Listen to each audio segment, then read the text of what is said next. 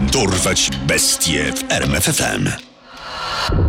Imię i nazwisko. Hadzi Mohamed Mesfewi, Pseudonim. Arcyzabójca z Marrakeszu, Liczba ofiar. 36, Okres działalności. 1906 rok, Wyrok. Kara śmierci.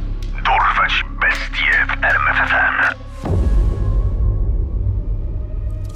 W kwietniu 1906 roku w wąskich uliczkach Medyny w Marrakeszu zapanował strach.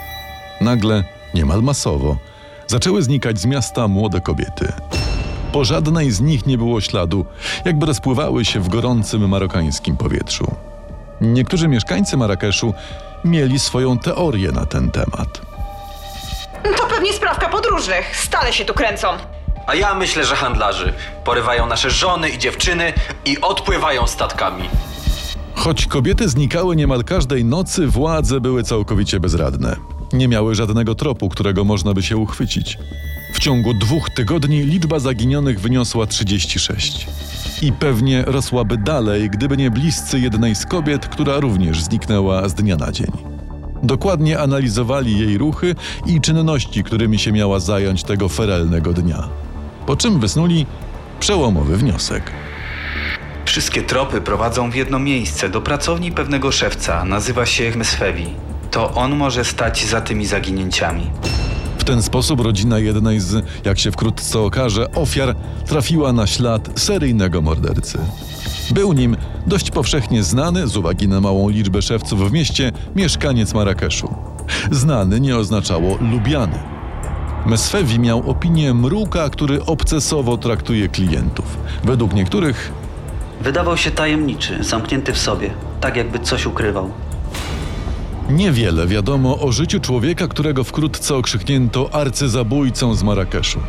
Prawdopodobnie w chwili, gdy na jaw wyszły jego zbrodnie, był około 60-letnim mężczyzną. Posiadał zakład szewski, ale trudnił się też pisaniem listów. Przychodzili do niego klienci, głównie niepiśmienni, którzy dyktowali Mesfewiemu pisma urzędowe i nie tylko. Wiadomo też, że mieszkał on z 70-letnią kobietą, która nazywała się Annah Rahali. Annah została wspólniczką w zbrodniach, które popełnił Hadi Mohamed Mesfewi.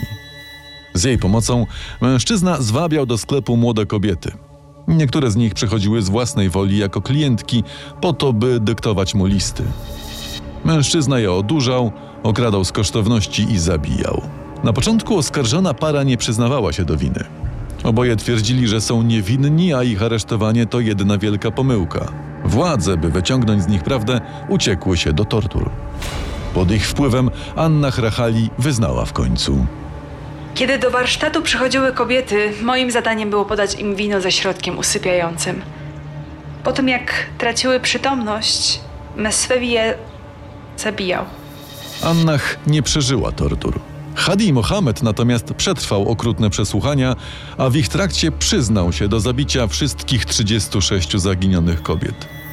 Obrabowywał je z pieniędzy i biżuterii, a następnie obcinał im głowy. Nie wyjawił motywu, dla którego wykazał się tak szczególnym okrucieństwem. Uznano więc, że zrobił to z powodu chęci zysku. Było to o tyle nieprzekonujące, że często zysk ten okazywał się bardzo niewielki. W The Times and Democrat, dzienniku wydawanym w południowej Karolinie, można było przeczytać szokującą relację z procesu Mesfewiego. W głębokim dole pod warsztatem mordercy znaleziono 20 pozbawionych głów ciał, 16 innych odkryto w jego ogrodzie. Od momentu schwytania seryjnego mordercy i jego wspólniczki, ich osoby i proces wzbudzały ogromne emocje oraz zainteresowanie.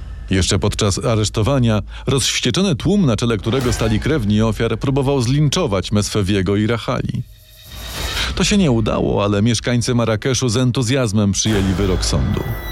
Hadi Mohamed Mesfewi został skazany na karę śmierci przez ukrzyżowanie, co miało mieć miejsce 2 maja 1906 roku. Była to dość powszechna wówczas metoda pozbawiania życia, stosowana od bardzo dawnych czasów, a skazywani na nią byli najwięksi przestępcy. Jednak wyroku nie wykonano. Stało się tak na skutek protestów międzynarodowych obserwatorów. Ta kara jest nieludzka! Nie możemy pozwolić na takie okrucieństwo! Naciskamy, by ten człowiek, jeśli ma zginąć, zginął w bardziej humanitarny sposób. Hadi trafił więc do więzienia, gdzie zdecydowano o innej formie jego egzekucji. Pismo w tej sprawie własnoręcznie podpisał sułtan Maroka. Pytanie, czy forma ta była bardziej humanitarna od ukrzyżowania. Mesfewi miał zostać poddany torturom najdłużej jak tylko się da, w miejscu publicznym, w centrum miasta, na oczach tłumu.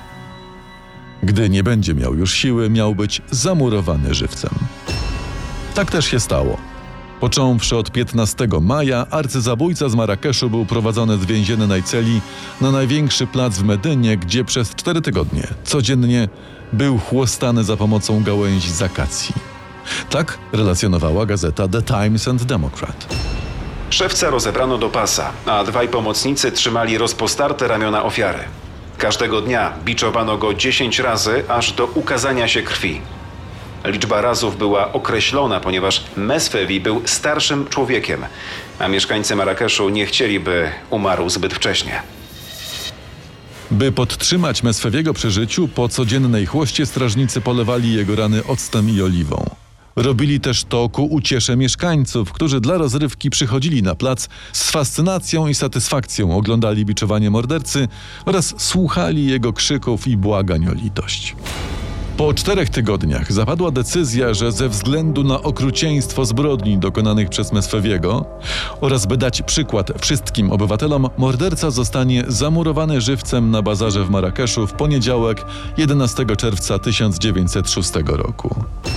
Na ów wielki finał szykowało się pół miasta. Jak donosił cytowany już dziennik z Orangeburga The Times and Democrat, Od wielu lat w Marrakeszu nie widziano śmierci przez zamurowanie żywcem. Niektórzy opowiadali innym, że zdarzały się przypadki, gdy ofiary żyły jeszcze czasem przez cały tydzień po zamurowaniu. Więc gdy dobra wieść się rozeszła, ludzie przynosili swój prowiant, szykując się na to widowisko. Było tłoczno także w karawanach zmierzających w stronę Marrakeszu. Hadi Mohamed Mesfewi przybył tego dnia na plac, myśląc, że jak co dzień doświadczy upokarzającej publicznej chłosty. Dopiero gdy zobaczył zdecydowanie większe niż zazwyczaj tłumy i ludzi próbujących zająć jak najlepsze miejsce, przepychających się w tłoku, zdał sobie sprawę, że nadszedł powolny kres jego zmagań. Powolny, ponieważ miano go umieścić w zamkniętej przestrzeni bez wyjścia, gdzie pozostawało mu tylko czekanie na śmierć z głodu i pragnienia. Świadkowie twierdzili, Tym razem przyjmował chłostę jakoś wyjątkowo spokojnie, jakby miał nadzieję, że umrze od ciosów i oszczędzą mu zamurowania. No ale kiedy tylko robotnicy zaczęli stawiać mur, szarpał się i wołał o litość. Ha, na szczęście na próżno. Murarze wykopali dziurę w ścianie i wypchnęli mordercę do środka. Zamontowano też specjalne łańcuchy, które miały go okiełznać i przytrzymać w pozycji stojącej. Następnie zaczęli układać cegły, które powoli zakrywały jego postać. W tym czasie zgromadzeni gapie obrzucali go brudem i odpadkami ze znajdującego się obok targu. Gdy murarze zrobili sobie chwilę przerwy, do Mesfewiego podszedł strażnik, który podał mu trochę wody i chleb. Zamurowana cela była dość szeroka i wysoka, tak by skazany zbyt szybko się nie udusił. Hadi Mohamed cegła po cegle znikał z oczu zgromadzonego tłumu. Kiedy robotnicy zakryli go całkiem, zaległa przerażająca cisza. Gapie zostali tylko po to, by słyszeć krzyki i jęki zamurowanego. W końcu doczekali się. Mesfewi zaczął wrzeszczeć i wrzeszczał tak przez dwa dni i dwie noce. Za każdym razem, gdy wydobywał z siebie głos, przechodnie wiwatowali i wyśmiewali go. Jak czytamy w relacji jednego z ówczesnych dziennikarzy, świadków zdarzenia, We wtorek 12 czerwca Mesfewi wciąż krzyczał, a ludzie znajdujący się na placu cieszyli się z jego męki. Następnego dnia morderca już tylko jęczał. Kilka godzin później całkiem zamilkł. Mieszkańcy Marrakeszu rozeszli się powoli do swoich zajęć, nieusatysfakcjonowani, bo według nich Mesfewi umarł za wcześnie. 13 czerwca życie wróciło do normy. Mimo to Maroko szybko nie zapomniało o jednym z największych seryjnych morderców w historii kraju. Przypuszczano, że ofiar arcyzabójcy z Marrakeszu było znacznie więcej, jednak do dziś nie znaleziono na to żadnych przekonujących dowodów. Poznaj sekrety największych zbrodniarzy świata. Dorwać bestie w RMFFM.